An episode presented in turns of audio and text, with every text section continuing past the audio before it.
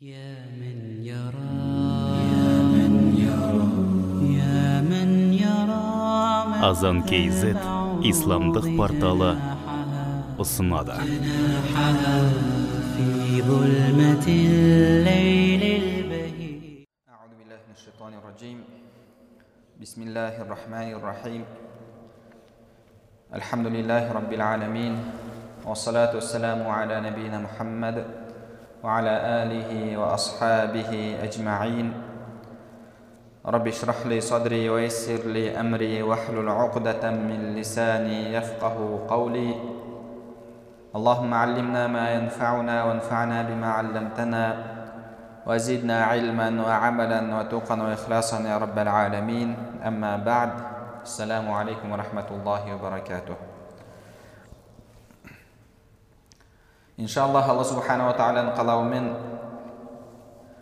тазкиятун нуфус нәпсін тәрбиелеу сабағындағы риякершілік тақырыбын ары қарай жалғастырамыз біз өткен дәрісімізде риякершіліктен адам қалай құтылады деген мәселеге тоқталып риядан құтылу бірінші рияның зиянын білумен рияның апатын үйренумен жүректен қолдан келгенше рияны түгелдей шығару деген болатынбыз және одан кейін екіншісі амалды жасыруға үйрену деген едік адам жүрегінде рияны жек көрсе рияны жақтырмаса және қолдан келгенше амалдарын жасыруға тырысса мұнымен шайтан ол адамды түгелдей тастап қояды.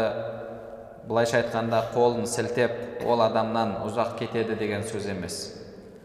Шайтан әр уақытта адамды азғыруға адастыруға тырысады. Яғни бір адам рия ауруымен ауырмайды және қолынан келгенше амалдарын жасыруға тырысады. Бірақ бұл адамның өзін шайтан құлшылығын жасап жатқан кезде рияға итермелеуге тырысады.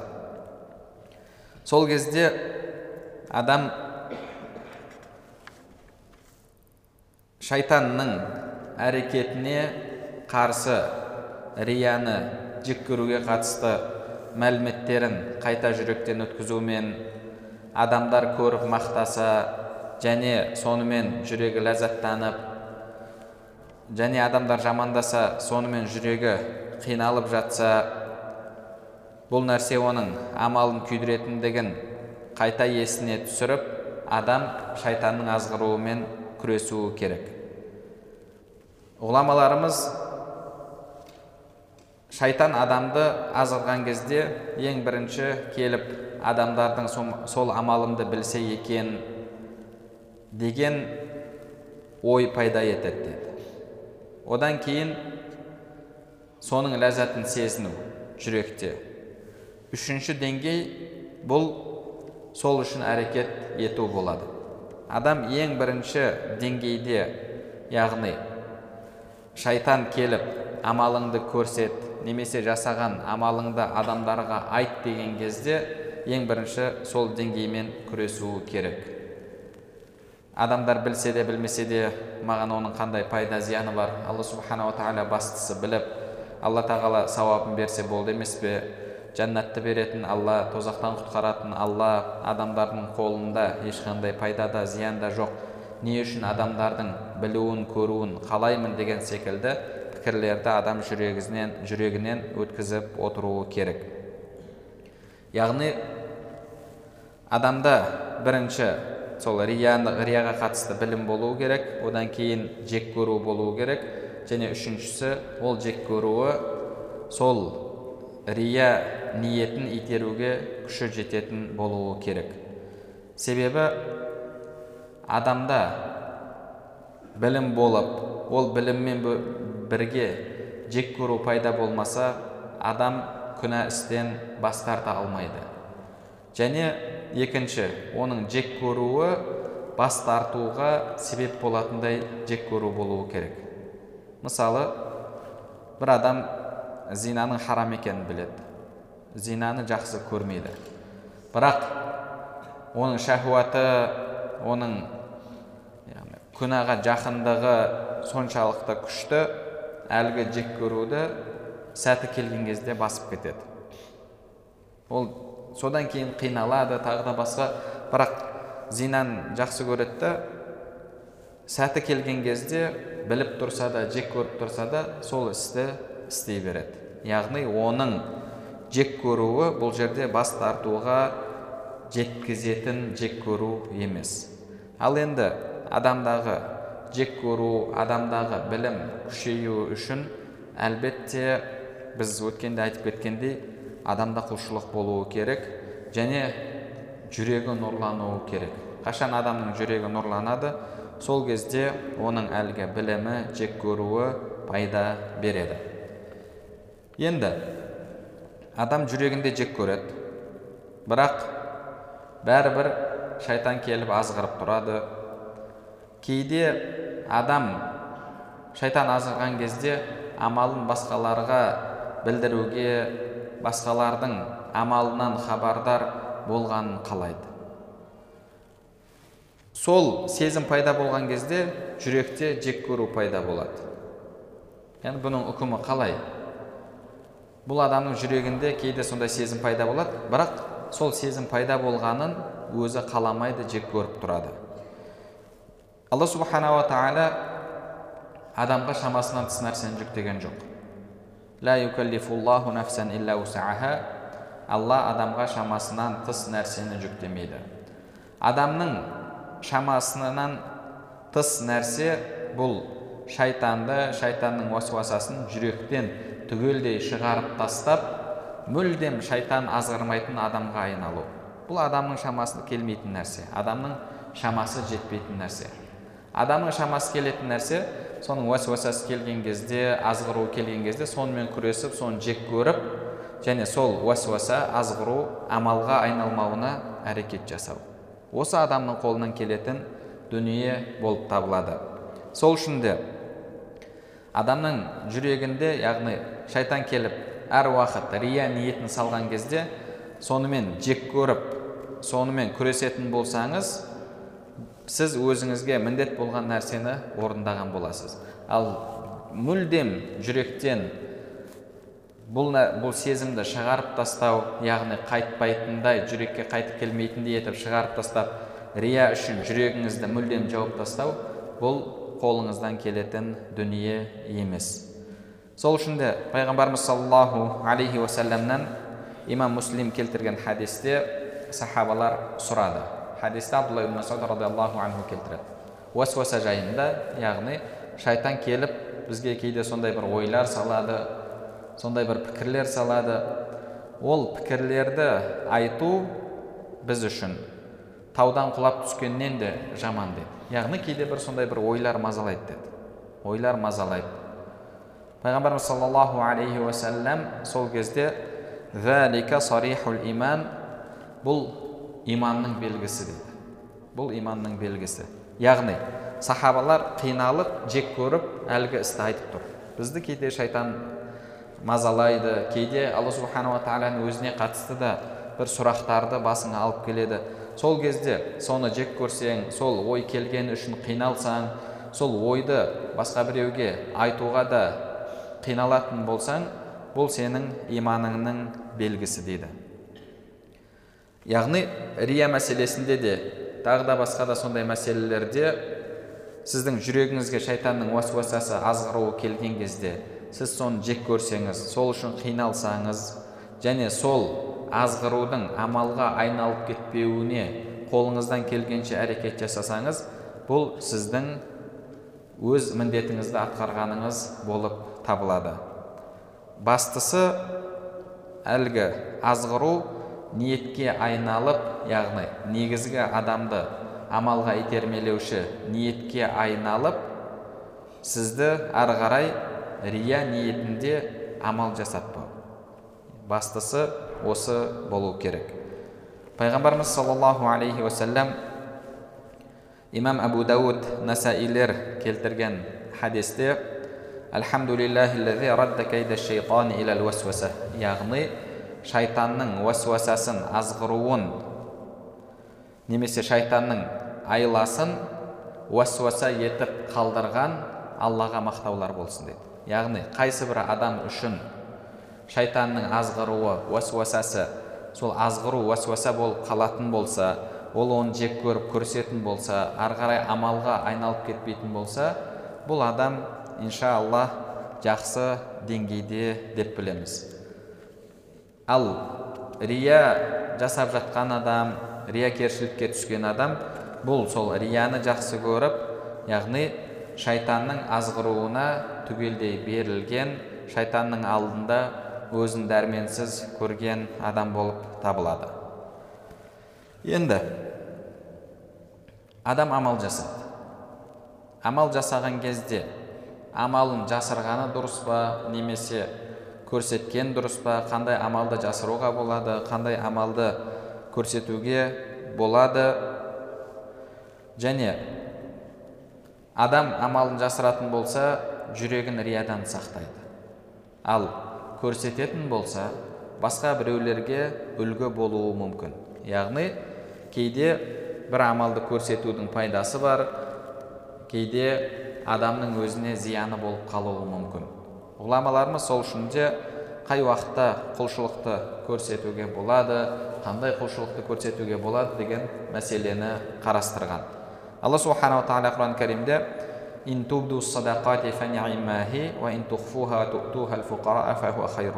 егер садақаларыңды беріп жатқан дүние мал мүліктеріңді әшкере ететін болсаңдар ол жақсы яғни басқалар үлгі болу үшін рия ниетімен емес. Жүрегіңізде ықыласты сақтай отыра басқаларды шабыттандыру үшін амалыңызды көрсететін болсаңыз ол жақсы дейді. Егер жасырып беретін болсаңдар ол да сендер үшін хайырлы деді. Енді амалды көрсету бұл. Амалды жасап жатқан кезде болады және амал біткеннен кейін соны айтып берумен болады. Амалды көрсету амалдың өзін көрсету және сол жайында кейін әңгіме қозғау болып екіге бөлінеді. Мысалы амалдың өзін көрсету. Бірде пайғамбарымыз саллаллаху алейхи уассалам бір жақсылық жасауға шақырған кезде бір ансарлардан болған сахаба тұрып садақасын көрсетіп берді. Оны көрді басқа адам берді оны көріп үшінші адам берді төртінші адам берді сөйтіп аз ғана уақытта бір үлкен дүние жиналып қалды. Пайғамбарымыз саллаллаху алейхи уассалам ана істі көрген кезде жүзінде күлкі қуаныш пайда болып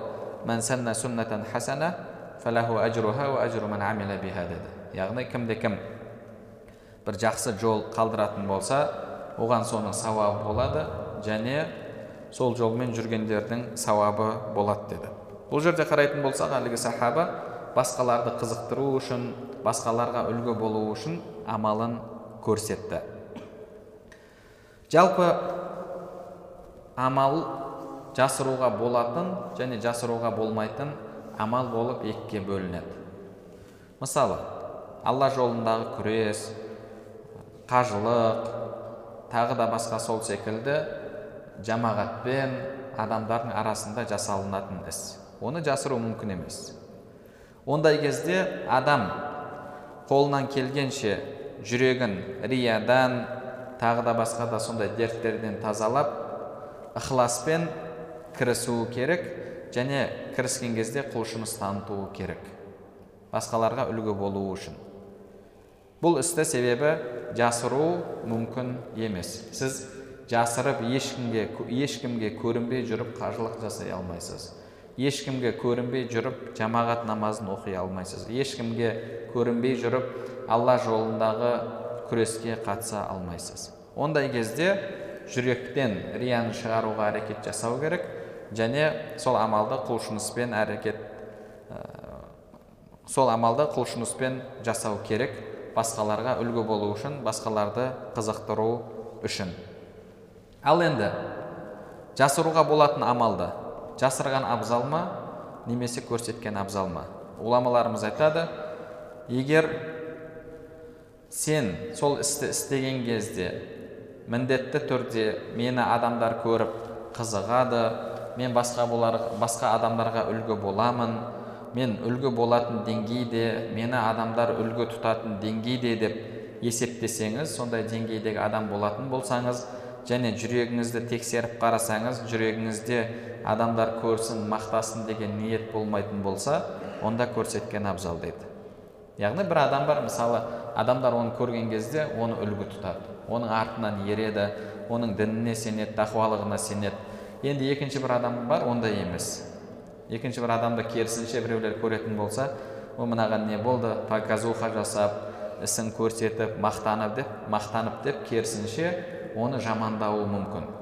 Яғни мысалы сізді бір досыңыз үлгі тұтуы мүмкін немесе ә, досыңыз үлгі тұтуы мүмкін басқа бір досыңыз үлгі тұтпауы мүмкін. Бір адам сізді құрметтеуі мүмкін сізге еруі мүмкін екінші адам ондай болмауы мүмкін. Яғни жағдайға қарайсыз. Қай жерде басқаларға үлгі болуға мүмкіндігіңіз болатын болса және сол уақытта жүрегіңізде рия ниеті болмайтын болса онда амалды көрсеткен абзал болады. Амалды көрсеткен ол кезде абзал болып есептеледі. Одан кейін адам кейде өзін мен басқаларға үлгі боламын басқалар маған қызығады деп алдауы мүмкін. Бірақ негізгі арғы жағындағы жүректің түкпіріндегі ниет ол рия болуы мүмкін. Адам бұл нәрсені өзі біледі. Кейде басқаларға үлгі болса басқа деген секілді ниетпен өзін алдамақшы болады бірақ ар жағында рия ниеті жатады. Яғни бір істі сіз көрсетпекші болдыңыз адамдар қызығу үшін жақсы амалды бастамақшы болдыңыз. Бірақ ол амалды басқа адам бастап көрсетіп қойды басқа адам жасады. Сол кезде сіз қиналсаңыз қап мынау бастап қойды мынау көрсетіп қойды мен көрсеткенімде ғой деген сізде ой болатын болса онда сіз адамдар маған үлгі болсын деген ниеттегі адам емессіз керісінше жүрегіңізде рия бар.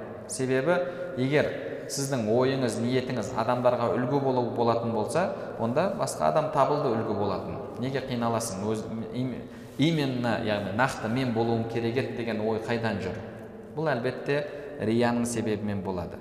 Яғни қайсы бір амалды сіздің орныңызға басқа адам жасаса басқаларға үлгі болу үшін сол кезде сіз альхамдулилля басқа адам үлгі болды бұл міндет орындалды деп жүрегіңіз тынышталса онда сіз шынында да үлгі болу үшін жасап жатқан адамсыз.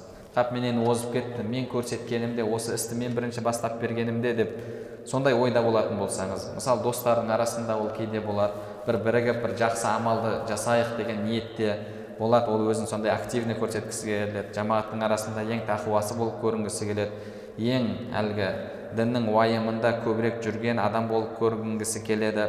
Бірақ сол істе басқа бір досыңыз келді де сіздің ойыңызда жүрген нәрсені айтып орындап қойды.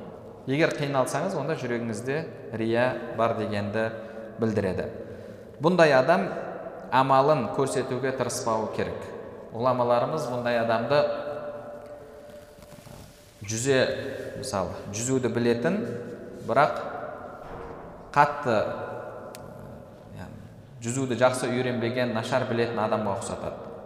Ол адам басқа бір суға батып жатқан адамдарды көрген кезде қой мен құтқарайын деп түсетін болса өзі жүзуді білмейді. Білесіз суға батып жатқан адам біреу жанына құтқаруға келсе оның басынан шашынан жабысып алады. Сөйтеді да бірге суға кетеді. Ол кезде құтқару үшін жүзуді жақсы білетін адам болу керек. Яғни сіз өзіңіздің жүрегіңіз мықты емес жүрегіңіз нашар жүрегіңізде ықыласыңыз әлсіз ә, риямен араласып жатыр. Ондай кезде басқаларға үлгі болайын деген ниетпен адам өзін алдамауы керек. Бұл адам жүзуді нашар біле тұра біреуді құтқаруға суға түскен адам секілді болады. Өзі батады және ертең алла субханала тағаланың алдына барған кезде соның зиянын көреді. Ал енді амалды жасап болғаннан кейін сол амал жайында айту. Егер сіздің ықыласыңыз мықты болатын болса ниетіңізде ешқандай рия болмаса адамдарға үлгі болайын деген нақты ниет болатын болса онда ол амалды айту харам болмайды. Мысалы саад ибн муаз радиаллаху анху айтады мә саллайту салатан мунзу асламту фахаддасту нафси биғайриха яғни мен исламды қабылдап намазды бастағаннан бері намазға кірген кезде ойымда намаздан басқа нәрсе ешқашан болған емес дейді. пайғамбарымыз саллаллаху алейхи уассаламның сахабасы айтып жатыр мен намазға кірген кезде жалпы намазды бастағаннан бері намаз оқыған кезде ойымда намаздан басқа еш нәрсе болған емес дейді ولا تبعت جنازة فحدثت نفسي بغير ما هي قائلة وما هي مقول لها және жаназада жүрген кезде жаназаға қатысқан кезде әрдайым ойымда тек қана қазір мына адамның халі қандай болады екен бұған не айтылады екен бұның жауабы қалай болады екен деген ғана ой болатын деді. Өлімді ақиретті ойлап жүретін едім деді. Бізде өкінішке орай жаназада жүрген кезде ойымыз басқа жақта болады. Кейде қабір басында шетте тұрып темекі шегіп тұрған шетте тұрып басқа бір дүниенің мәселелерін талқылап жатқан адамдарды көресіз. Ал бұл кісі айтып жатыр мен жаназаға қатысқан кезде жаназадан басқа еш нәрсені ойламайтын едім деді омар радиаллаху анху айтады мә убали асбахту аля уср әу юср лианни ла адри айюхума хайрун ли мен қиыншылықта немесе жеңілдікте таңымды аттырам қай халде аттырсам таңымды аттырсам да маған бәрібір деді. Таңым жеңілдікпен атады ма қиындықпен атады ма маған бәрібір. Себебі қайсысында хайыр бар екенін мен білмеймін деді яғни бұл кісі бұл жерде өзінің тағдырға толық иман келтіргендігін ісінің барлығын аллаға тапсырғандығын көрсетіп жатыр. Адам маған дүние келсе екен дейді маған мынандай болса екен жағдайым жақсы болса екен дейді. Неге? Себебі адам дүниені жақсы көреді. Омар радиаллаху анху айтып жатыр маған бәрібір дейді. Маған қиындық келеді ма маған жақсылық келеді ма маған байлық келе ма маған кедейлік келе ме? Маған бәрібір себебі қайсысында хайыр бар қайсысында жақсылық бар мен білмеймін деді. Абдулла ибн анху айтады.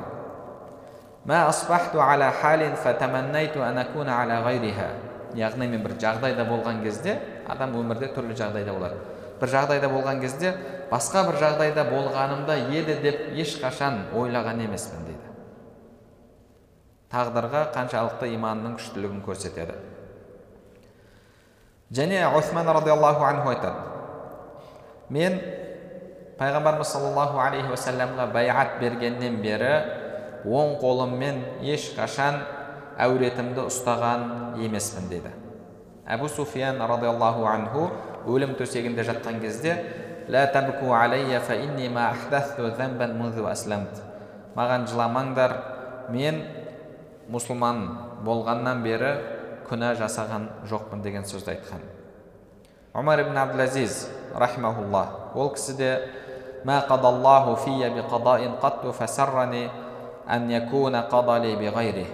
алла субханала тағала менің басыма бір нәрсені берген болса мен басқа нәрсе болғанда еді деп ойлаған емеспін және басқасының болуы мені қуантпайды дейді. Яғни маған қиындық келді ма оның орнына жеңілдіктің болуы мені қуантпайды деді. Маған кедейлік келді ма орнына байлықтың болғаны мені қуантпайды деді. Яғни қарап отыратын болсақ бұл жерде сахабалар өздерінің халін өздерінің істерін айтып беріп жатыр. Болғаннан кейін істерін айтып беріп жатыр. Егер мына сөздер рия ниетін қалаған адамның аузынан шығатын болса бұдан асқан рия жоқ. Бұдан асқан рия жоқ. Яғни бұл мен намаз оқыдым ораза тұттым дегеннен қайда он есе жүз есе асып кететін сөздер. Адам өзінің халін баяндап жатыр. Мен мынандаймын менің иманым мынандай деңгейде деп жатыр. Егер кімде кім осы ниетті рия ниетімен айтатын болса онда бұл адамнан асқан риякер адам жоқ. Бұл адамнан асқан рияшыл адам жоқ. Неге? Себебі бұл қандай халді айтып жатыр қандай халді баяндап жатыр. Ал егер ниеті таза болатын болса ықыласпен айтып жатса бұдан асқан үлгі тұтатын адам жоқ. Яғни біз осы кісілердің сөздерін айтқан кезде бізге үлгі болу үшін айтамыз. Омар радиаллаху анху былай деді ибн омар радиаллаху анхума былай деді ибн аббас былай деді әбу хурайра былай деді деген кезде бұлар бізге үлгі. Егер ықыласы мықты болатын болса онда бұл адамдардың сөзінде басқалар үшін үлкен пайда бар. Үлкен пайда бар. Рия жасап жатқан адамның да сөзінде адамдарға пайда бар. Бірақ оның өзіне зиян бар. Яғни біреу сіздің рия жасап жатқаныңызды білмейді. Неге? Себебі ниетіңізді алла біледі адамдар ниетіңізді білмейді.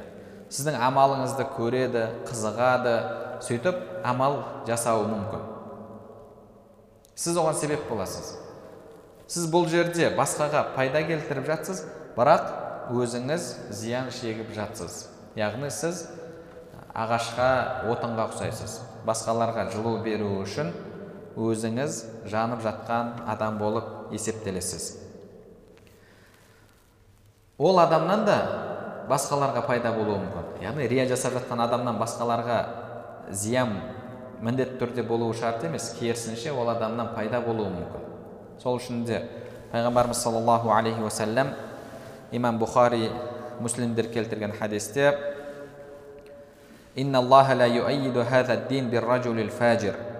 яғни алла субханала тағала бұл дінді кейде күнәһар адаммен де қолдап қояды деді. Күнәһар адаммен де қолдап қояды кейде алла субханала тағала күнәһар адамды қажет болса кәпір адамды да дінге қызмет еттіріп қояды муса алейхисаламды алла субханала тағала фирғауынның фирғауынның өзіне бақтырып қойды өзіне ертең қарсы дұшпан болатын алланың дінін жаятын тарататын адамды өзінің дұшпанына бақтырып қойды алла субханала тағала кейде басқа яғни басқа дінде болған адамды кәпір болған адамды да дінге қызмет еттіріп қояды. Сол секілді рия жасап жүрген адамнан да басқаларға пайда болады бірақ оның өзіне зиян болады. Неге? Себебі оның жүрегінде ниеті бұзық ниеті дұрыс емес. Және пайғамбарымыз саллаллаху алейхи имам насаи анас ибн малик радиаллаху анхудан келтірген хадисте алла субханала тағала ақиреттен несібесі болмаған адамдармен дінді қолдап қуаттап қояды деді яғни одан да кейде пайда болады имам абу хамид ал ғазали рахмаулла бір уақыттары бір қалалардың бірінде түндері адам көшеден өтіп бара жатса намаздың оқылып жатқан құранның даусы естілетін болғанын айтады. Бір уақыттар сондай болған екен. Мысалы бір қалада көшеде кетіп бара жатсаң түндері оқылып жатқан құранның даусын естисің. Кейін араларынан бір адам шығып рия жайлы рияның апаты жайлы кітап жазады. Адамдардың арасында тарайды. Одан кейін әлгі дауыстар жоғалып кетеді. Яғни амалымыз рия болып қалмасын амалымыз күйіп кетпесін деп қорқып адамдар бұл амалды тастап қояды. Одан кейін ондай дауыс естілмейтін болған. Кейін адамдар айтатын болған екен. Сол кітап жазылмағанда дұрыс болар еді деп.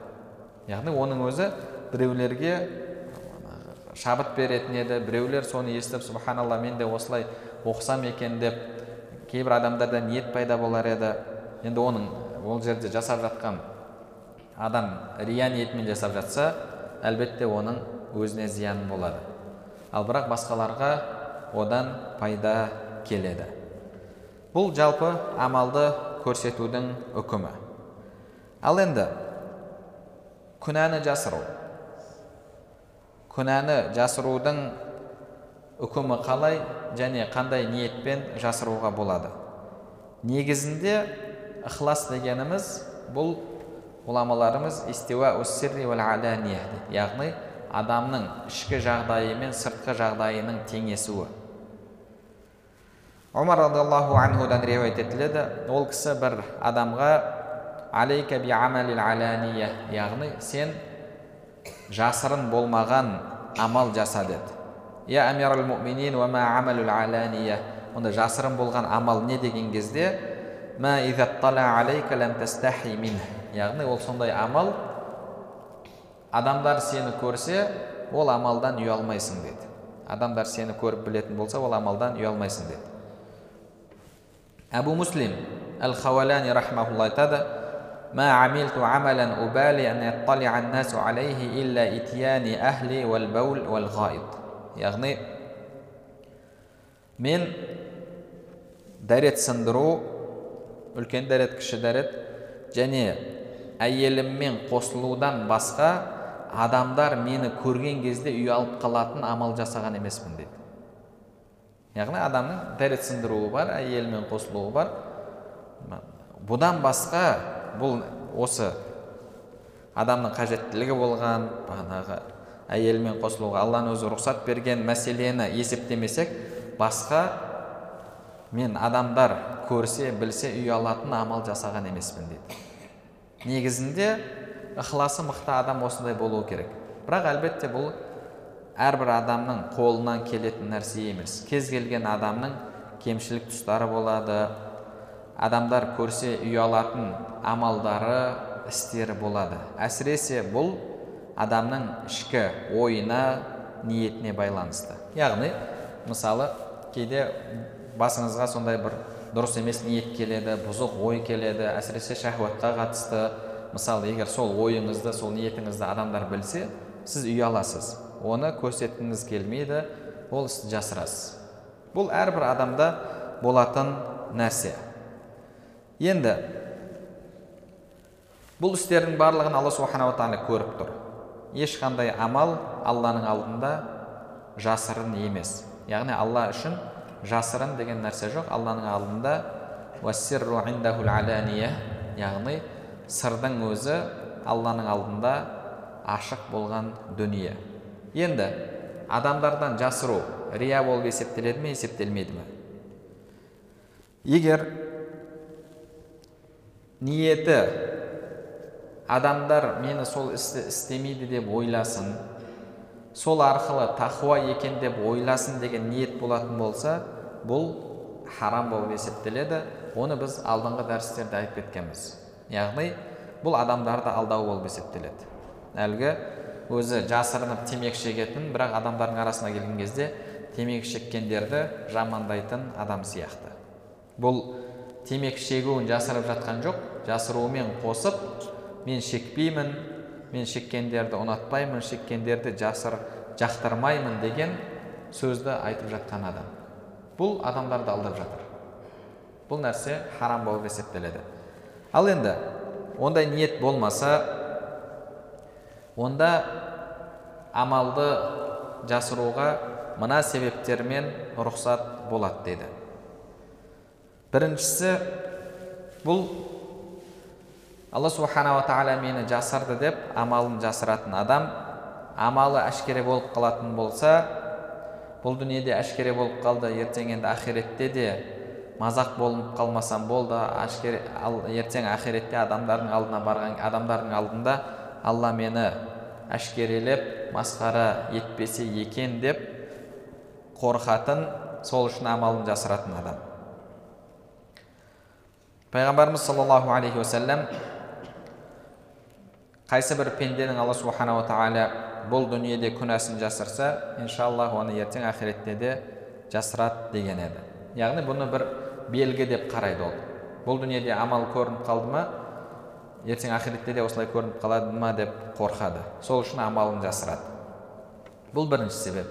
Бұл себеппен жаман амалды жасыруға болады. Екінші себеп жалпы жер бетінде күнәнің көрініс тапқанын қаламайды. Жер бетінде күнәнің көрініс тапқанын қаламайды. Неге себебі? Алла субханала тағала жер бетінде бұзғыншылықтың күнәнің көрініс тапқанын қаламайды. Өзі сол күнәні нәпсісіне беріліп шахуатына еріп істеп қояды. Бірақ адамдарға осы нәрсе көрініп соларға мен яғни осы нәрсе адамдарға әйгілі болып кетпесе екен адамдардың осыған денесі үйреніп кетпесе екен деген ода ниет бар. Мысалы бала шағасынан қанша темекісін шексе де мысалы бала шағасының алдында шекпейтін адамдар бар. Ондай адамдарды көрдік. Неге? Себебі әкем сол нәрсені істеп жатыр екен бұл яғни бір қалыпты нәрсе екен бұл үйреншікті нәрсе екен деген балада бір сезім болмасын соған мен үлгі болып қалмайын деген ниетпен баласына көрсетпейді. Шегетін кезде үйінен шығып кетеді тағы да басқа деген секілді. Баласына көрсетпейді бірақ нәпсі әлі оны тастауға нәпсі күштілік танытып жатқан адамдар бар. Пайғамбарымыз саллаллаху алейхи уассалам өзінің хадисінде